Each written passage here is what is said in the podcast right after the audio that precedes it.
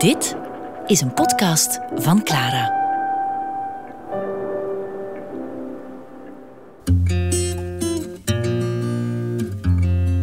American Dreams met Berte Vroei.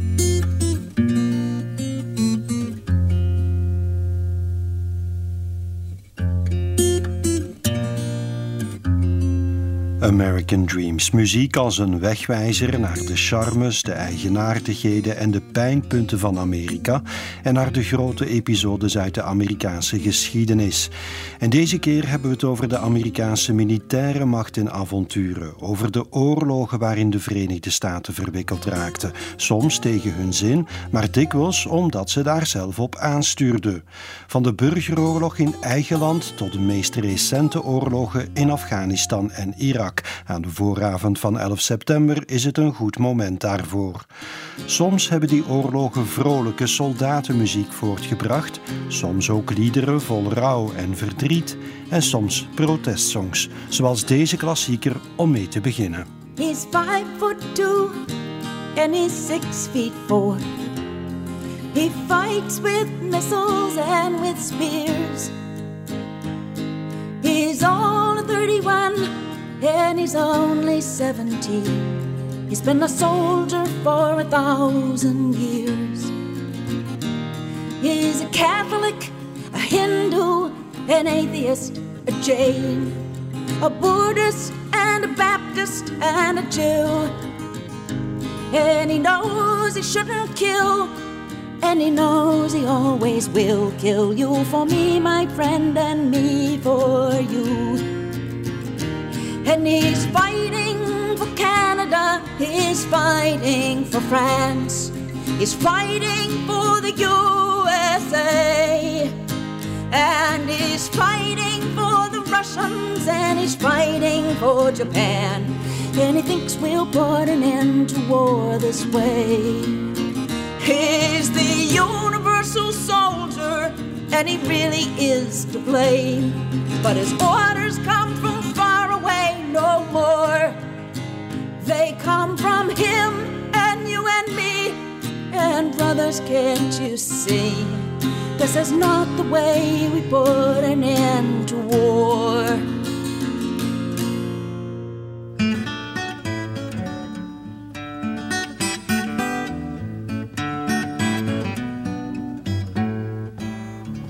Buffy St. Marie. Voor één keer maakten we een uitzondering in American Dreams en lieten we een Canadese zangeres horen. Zij heeft dit lied gemaakt, The Universal Soldier, en niet de schot Donovan, die er wereldwijd een hit mee scoorde. Buffy St. Marie is geboren in Canada als dochter van Native American ouders, Indiaanse ouders van het volk van de Cree, maar ze werd als kind geadopteerd door mensen uit Massachusetts, in de VS dus, en ze groeide daar op. Ook die adoptieouders ouders hadden trouwens Indiaans bloed. En zelf heeft ze haar hele leven als artieste veel aandacht gehad voor het lot en de problemen van de Native Americans. En natuurlijk waren zij het, de zogenaamde Indianen, de First Nations, die ook de eerste vijanden werden van de nieuwe Amerikaanse natie. Nog voor de onafhankelijkheidsoorlog vochten de kolonisten al oorlogen uit tegen hen. En dat ging nog lang zo door tot ver in de 19e eeuw. Je had dan natuurlijk de onafhankelijkheidsoorlog zelf, de Amerikaanse revolutie, eind 18e eeuw. Je had nog een korte oorlog tegen de Britten in 1812. Je had de oorlog met Mexico in 1846, de opiumoorlog met China kort daarna. Maar het eerste grote conflict dat de Amerikaanse natie zelf intern verscheurde, was uiteraard de burgeroorlog.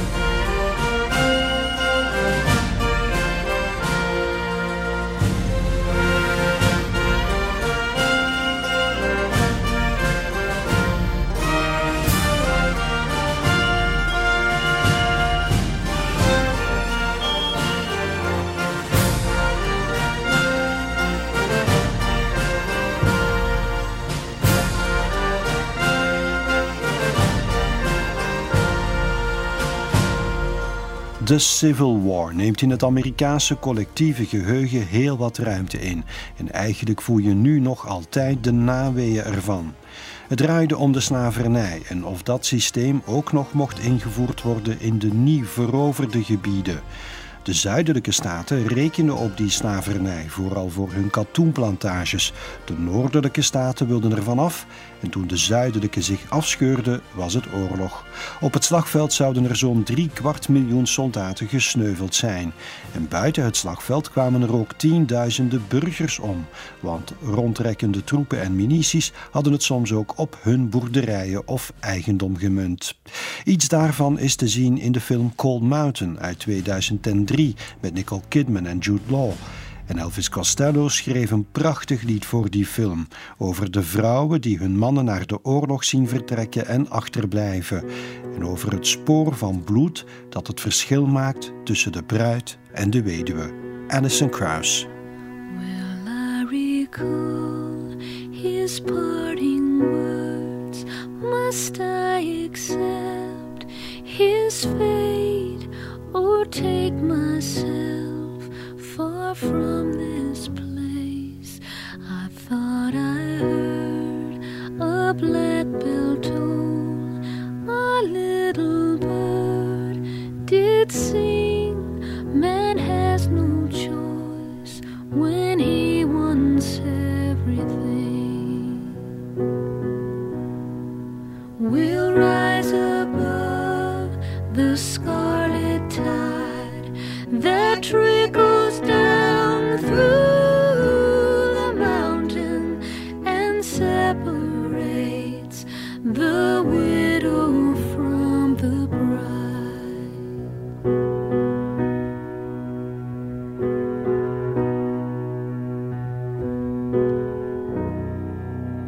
Alison Krauss, The Scarlet Tide. De Amerikaanse burgeroorlog eindigde in 1865 met een zege van de noordelijke troepen en een nederlaag van Old Dixie, de zuidelijke staten.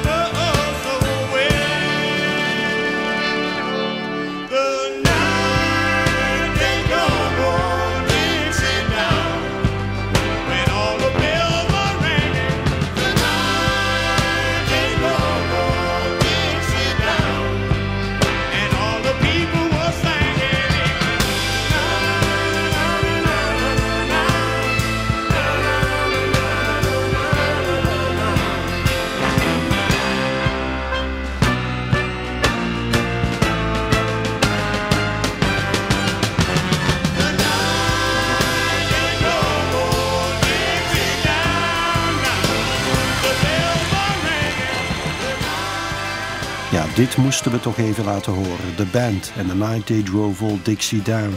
Een lied geschreven vanuit het standpunt van een man uit het zuiden, uit het verliezende kamp dus, het kamp van de slavernij. En dat heeft intussen ook al wel tot een controverse geleid in Amerika, of die song nog wel helemaal kosher en politiek correct is. Maar op een dieper niveau gaat het om de lotgevallen van een arme arbeider, een burger, die gekneld raakt in de oorlogsmachine. Het kwam uit het afscheidsconcert van de band The Last Waltz en u hoorde de geweldige stem van de drummer, die van Helm.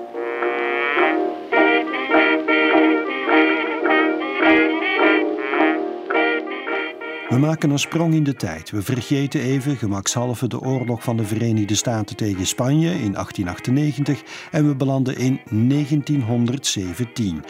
De Eerste Wereldoorlog was al jaren aan de gang, maar Amerika had zich daar buiten kunnen houden.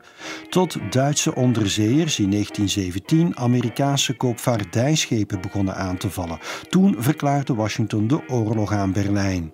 Twee miljoen Amerikaanse soldaten werden alsnog naar het front in Frankrijk gestuurd.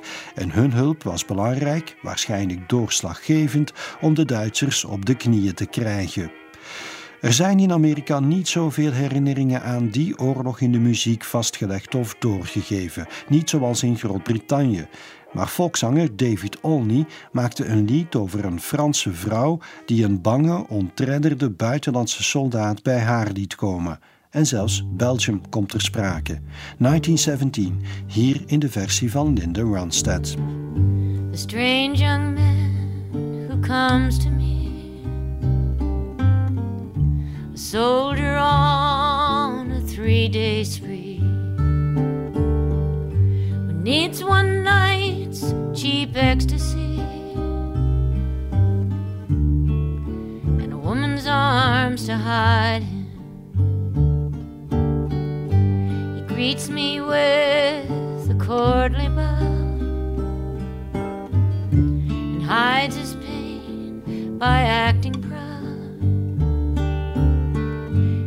drinks too much and he laughs too loud. But how can I deny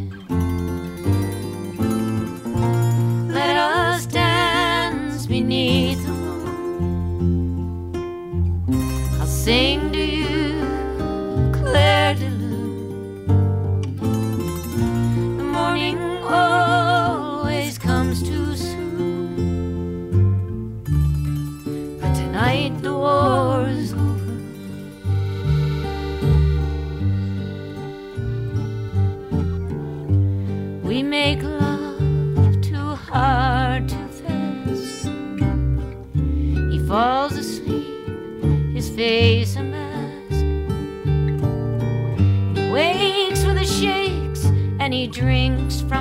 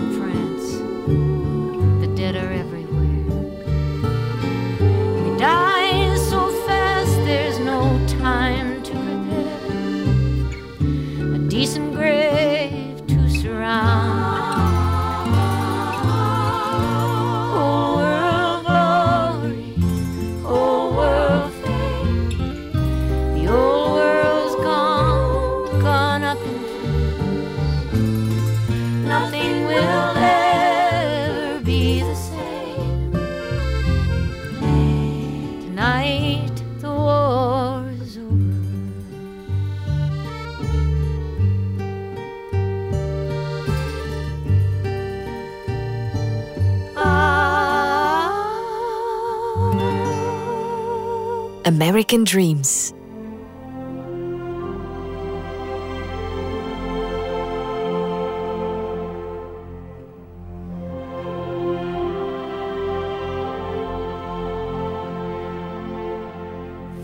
I ask that the Congress declare that since the unprovoked and dastardly attack by Japan on Sunday, December 7th, 1941, a state of war has existed between the United States and the Japanese Empire.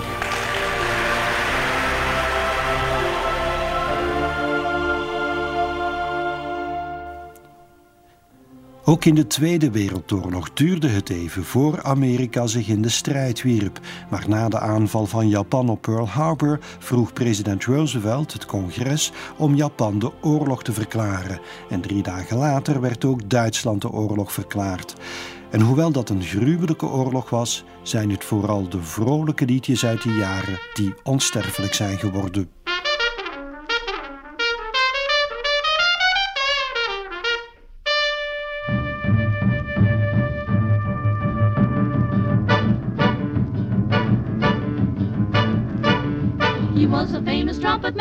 Chicago way. He had a boogie style that no one else could play. He was the top man at his craft.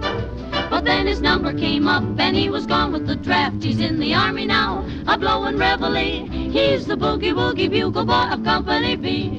They made him blow a bugle for his Uncle Sam. It really brought him down because he couldn't jam. The captain seemed to understand. Because the next day the cap went out and drafted a band, and now the company jumps when he plays reveille. He's the boogie woogie bugle boy of Company B. A toot, a toot, a toot, a toot, he blows it eight to the bar. In boogie rhythm, he can't blow a note unless the bass and guitar is playing with him. He makes a company jump when he plays reveille. He's the boogie woogie bugle boy of Company B. The Andrews Sisters, de zingende zussen uit Minneapolis die je vanzelf aan de oorlog doen denken. Ze waren in die jaren op het toppunt van hun populariteit en ze gingen optreden voor Amerikaanse troepen in Europa. Dit nummer kwam uit de film Buck Privates. 16 miljoen Amerikaanse soldaten werden ingezet in de Tweede Wereldoorlog. 400.000 sneuvelden er. Niet alleen in Europa, ook in de Stille Zuidzee.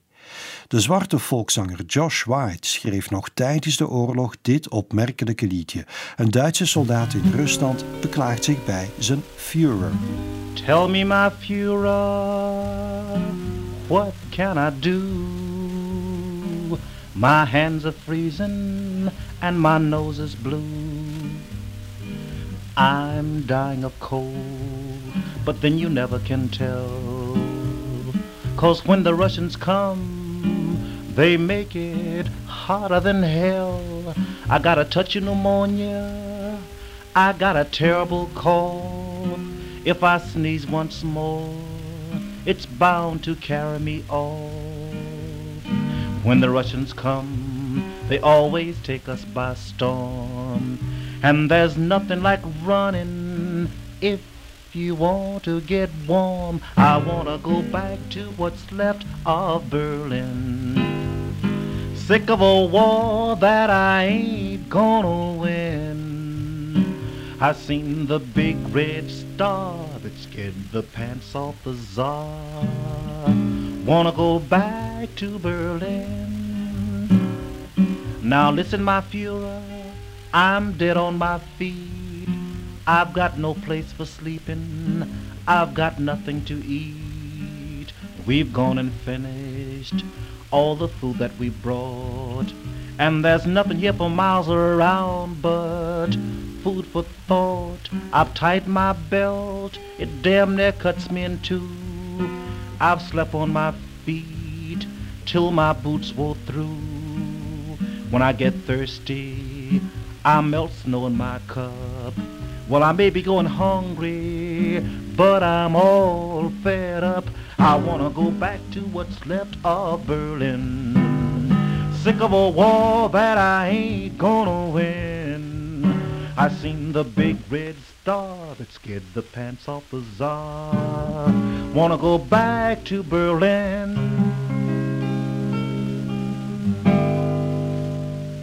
Josh White, Führer. Oké, Korea slaan we over. Next stop is Vietnam. I got a letter from LBJ. It said, This is your lucky day. Time to put your khaki trousers on. Though it might seem very queer, we've got no job to give you here, so we are sending you to Vietnam. Lyndon Johnson told the nation, have no fear of escalation. I am trying everyone to please. Though it isn't really war, we're sending 50,000 more to help save Vietnam from Vietnamese. Every night the local gentry slip out past the sleeping sentry. They go out and join the old VC. In their nightly little dramas, they put on their black pajamas and come lobbing mortar shells at me. And Lyndon Johnson told the nation, have no fear of escalation. I am trying everyone to please. Though it isn't really war, we're sending a hundred thousand more to help save Vietnam from Vietnamese. Tom Paxton was dat. De oorlog in Vietnam was een conflict tussen het communistische Noord-Vietnam en het door het Westen gesteunde Zuid-Vietnam. Die oorlog duurde bijna 20 jaar, maar de Verenigde Staten waren er zo'n 15 jaar lang bij betrokken en raakten er steeds dieper in vastgezogen. Eerst met materiële militaire steun, dan met militaire adviseurs en tenslotte met eigen troepen. Altijd meer eigen troepen. En nochtans had president Lyndon Johnson de Amerikanen op het hart gedrukt: It isn't really war. Have no fear of escalation. Toen Tom Paxton dat zong in 1965, was dat al lang niet meer geloofwaardig. En wat vooral kwaad bloed zette in Amerika, was dat jonge mannen, burgers, weer konden worden opgeroepen om te gaan vechten. De draft. De Birds maakten daar een fijnzinnig ingehouden protestlied over, Draft Morning. Take my time this morning, zingen ze. No hurry to learn to kill.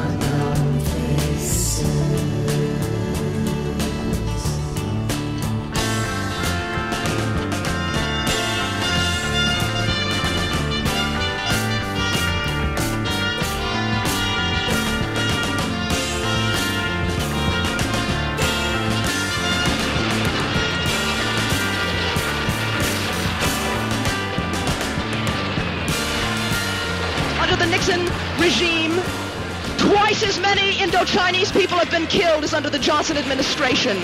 And as Daniel Ellsberg points out, all the deaths on both sides, be they the liberation people struggling or the Arvon troops, all of those deaths are American responsibilities because South Vietnam and the division of Vietnam is an American invention.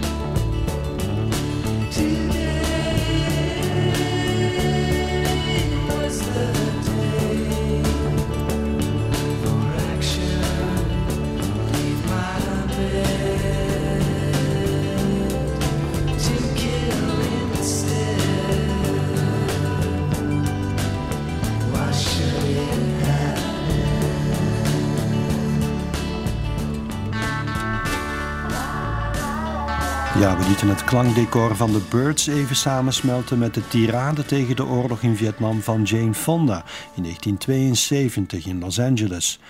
De Amerikanen verloren de oorlog in Vietnam. Noord-Vietnam won en het machtige leger van de Verenigde Staten moest afdruipen. Een vernederende aftocht.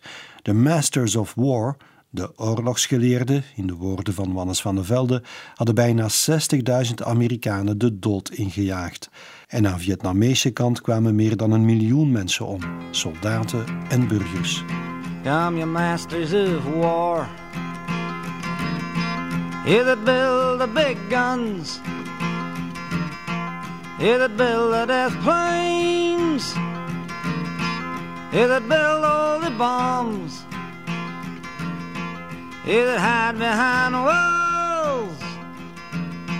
You that hide behind.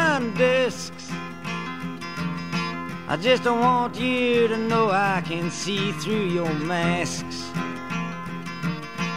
You that never done nothing but build to destroy. You play with my world like it's your little toy. You put a gun in my hand and you hide from my eyes. And you turn and run farther when the fast bullets fly. Like Judas of old. And I hope that you die. And your death will come soon. I follow your casket by the pale afternoon. And I watch while you're lowered down to your deathbed. And I stand over your grave till I'm sure that you're dead. U herkende natuurlijk Bob Dylan. Bob Dylan heeft veel aanklachten op muziek gezet, maar dit is misschien wel zijn meest tijdloze Masters of War. Hadden de Amerikanen in Vietnam een les geleerd? Mm, ja en nee. Ze stuurden niet meer zo makkelijk eigen troepen naar het buitenland, maar via een omweg bleven ze bevriende regimes bewapenen en adviseren, zoals in de jaren 80 in Centraal-Amerika. Dit is de aanklacht tegen de Masters of War van Jackson Brown uit 1986. I've been waiting for something to happen for a week or a month or a year with the blood and the ink of the headlines and the sound of the crowd in my ear. You might ask what it takes to remember when you know that you've seen it before, where a government lies to a people and a country is drifting to war. And there's a shadow on the faces of the men who sent the guns to the wars that are fought in places where their business interest runs. On the radio, talk shows, and the TV, you hear one thing again and again how the USA stands for freedom, and we come to the aid of a friend. But who are the ones that we call our friends? These governments killing their own, or the people who finally can't take anymore and they pick up a gun or a brick or a stone,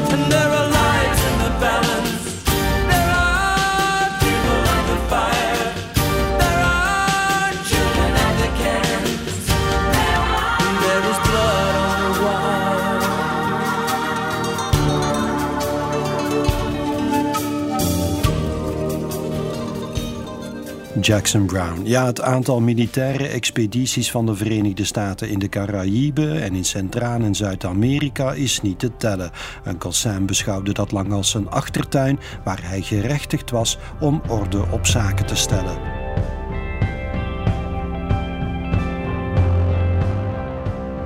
Maar eigenlijk vond Washington lange tijd dat het dat overal mocht doen en moest doen zelfs.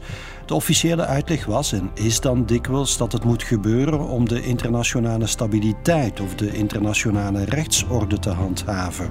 Zoals in 1991, toen president Bush senior de aanval inzette op Irak omdat dat land Kuwait was binnengevallen. Dat er toen meer dan een half miljoen Amerikaanse soldaten naar het Midden-Oosten werden gestuurd, onder meer naar het voor moslims heilige land Saoedi-Arabië, dat kon een jonge rijke Saoedi niet verkroppen. En tien jaar later sloeg hij met Al-Qaeda hard terug in het hart van Amerika. Good evening. Today, our fellow citizens, our way of life, our very freedom came under attack in a series of deliberate and deadly terrorist acts. The victims were in airplanes or in their offices. Secretaries, businessmen and women, military and federal workers, moms and dads, friends and neighbors. Thousands of lives were suddenly ended by evil, despicable acts of terror. Fiery day when the towers gave way, New York had her heart broke. New York had her heart broke. Many heroes died trying to save someone inside when New York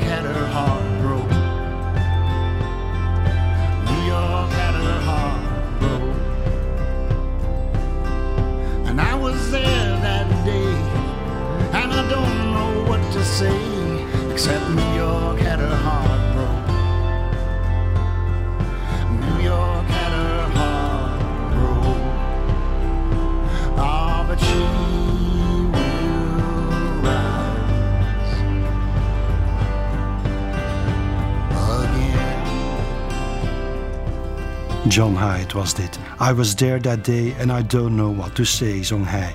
Ja, dit nummer is waarschijnlijk minder bekend dan de songs die bijvoorbeeld Bruce Springsteen over 9-11 heeft uitgebracht. Maar ik vind het mooi hoe John Hyde zijn machteloosheid en verstomming weergeeft. Het gebrek aan woorden voor wat er toen gebeurde. Behalve dan New York had her heart broke. New York werd in het hart geraakt en gebroken.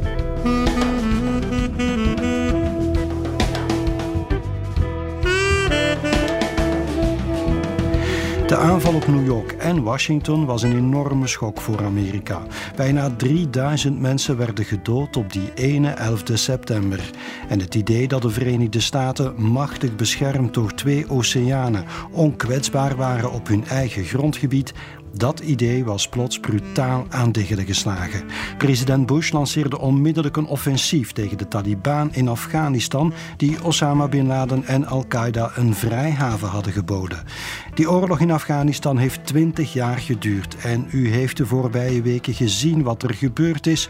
Opnieuw, net als met Vietnam, draaide het uit op een pijnlijke aftocht. De tegenstander waar tegen al die tijd gevochten werd, de Taliban dus, die tegenstander trok alsnog aan het langste eind.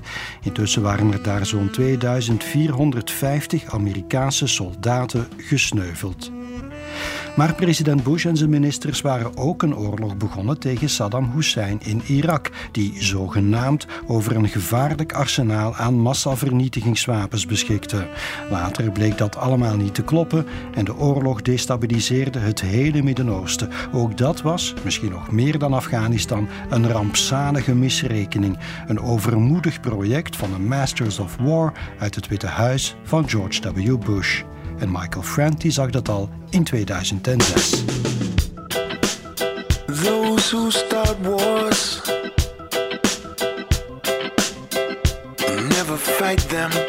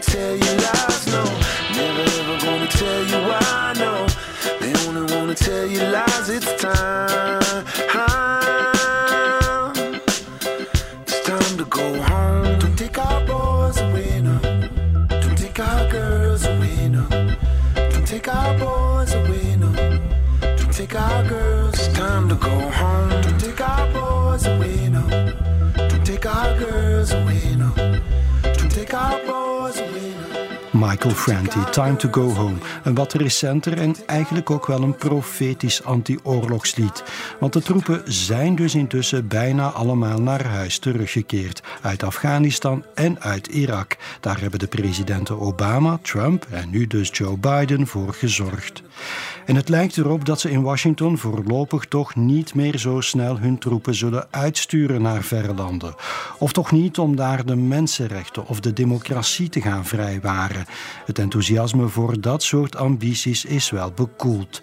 Maar als er ergens in de wereld, in Oost-Azië of in Europa of misschien in de Persische Golf, echt vitale Amerikaanse belangen op het spel staan, ja, dan zal Uncle Sam toch wel weer in actie komen.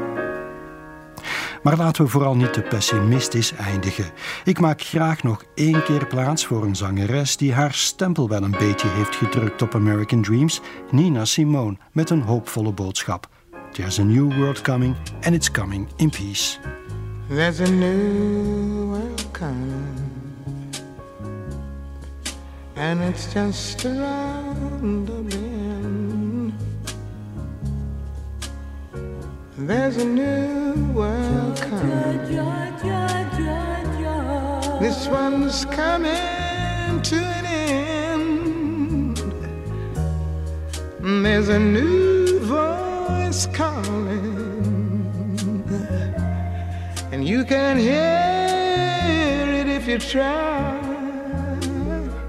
And it's growing stronger with every day that passes by. Yeah, yeah, yeah. There's a brand new morning rising clear and sweet and free. There's a new day dawning that belongs to you and me. Yes, a new world's coming. You know the one I'm talking about, the one we've had visions of, and it's coming in peace, coming in joy, coming in peace, coming in joy, coming in peace,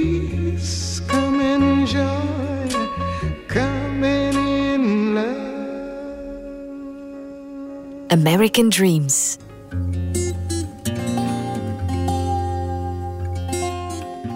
American Dreams. We hebben hier tien afleveringen lang de dromen en de ontgoochelingen van de Amerikanen beluisterd in songs en muziek.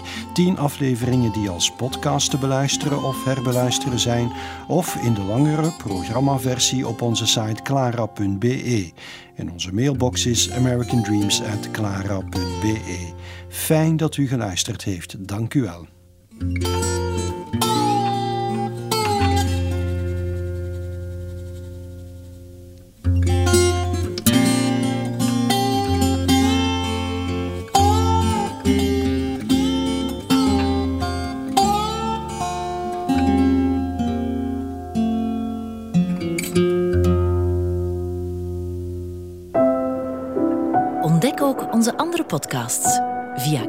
clara.be.